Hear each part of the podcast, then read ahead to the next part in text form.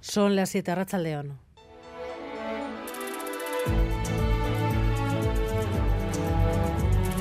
Gambara con Arancha García.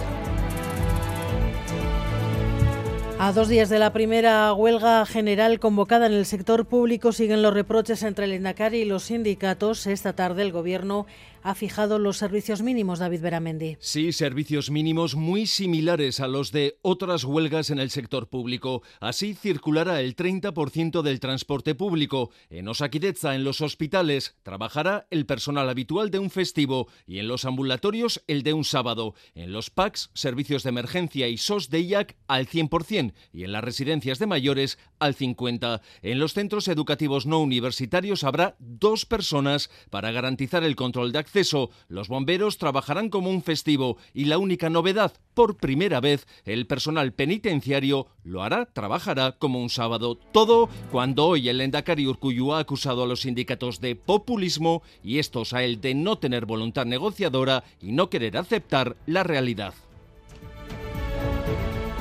El Endacari dice que el Gobierno debe atender también al sector privado con sus trabajadores, empresas o autónomos y hoy precisamente se ha inaugurado en Bilbao el Congreso de Economía Familiar.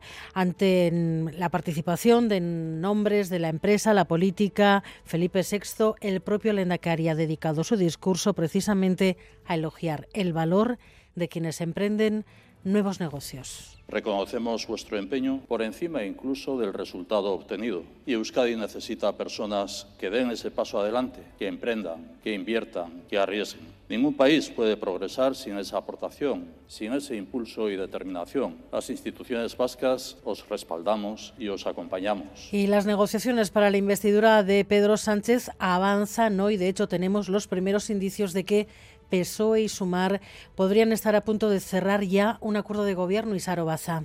Sí, parece que las negociaciones se están intensificando entre PSOE y Sumar. La propia Yolanda Díaz ha cancelado una reunión telemática que estaba prevista para esta tarde. Las posturas entre los socios están cerca. Desde Sumar ya decían esta mañana que el acuerdo de gobierno llegará antes de que termine el mes, tal como se habían comprometido los socios, pero los contactos han aumentado esta tarde y con ello la expectación, el acuerdo podría llegar en cuestión de días u horas, incluso esta misma tarde. Y primer juicio contra el presunto asesino de gays. Hay otros seis casos en fase investigación. En este, en el que se está juzgando, la víctima sobrevivió y denunció los hechos.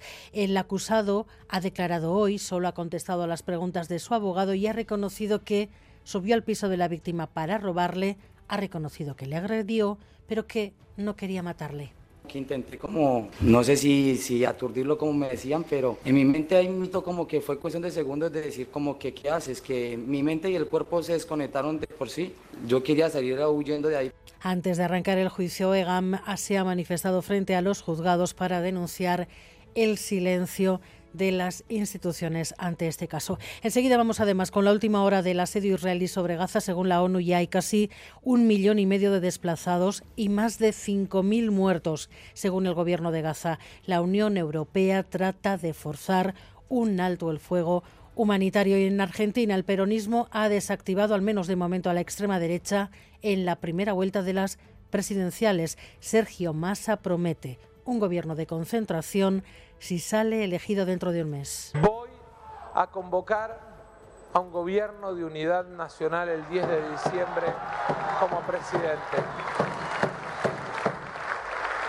Pero un gobierno de unidad nacional construido sobre la base de convocar a los mejores y no sobre la base de acuerdos simplemente Y puede que sea una de las de los peores datos que hemos conocido hoy. Casi dos de cada tres estudiantes y trabajadores de las universidades europeas han sufrido algún tipo de violencia sexual o machista. Son datos de la mayor encuesta realizada en Europa, John Fernández Moro. Sí, y además de que el 62% hayan sufrido algún tipo de violencia basada en el género, el 31% de los 42.000 encuestados en 46 universidades a lo largo y ancho de la Unión asegura haber experimentado en primera persona el acoso sexual, mientras que un 3% ha sufrido agresiones sexuales en el entorno académico. Se trata de una realidad preocupante y que habitualmente queda invisibilizada porque solo el 13% de los episodios se denuncian, eso sí, Eso si contamos a los trabajadores, porque si nos quedamos solo con el alumnado, se reportan nada más que el 7% de los casos.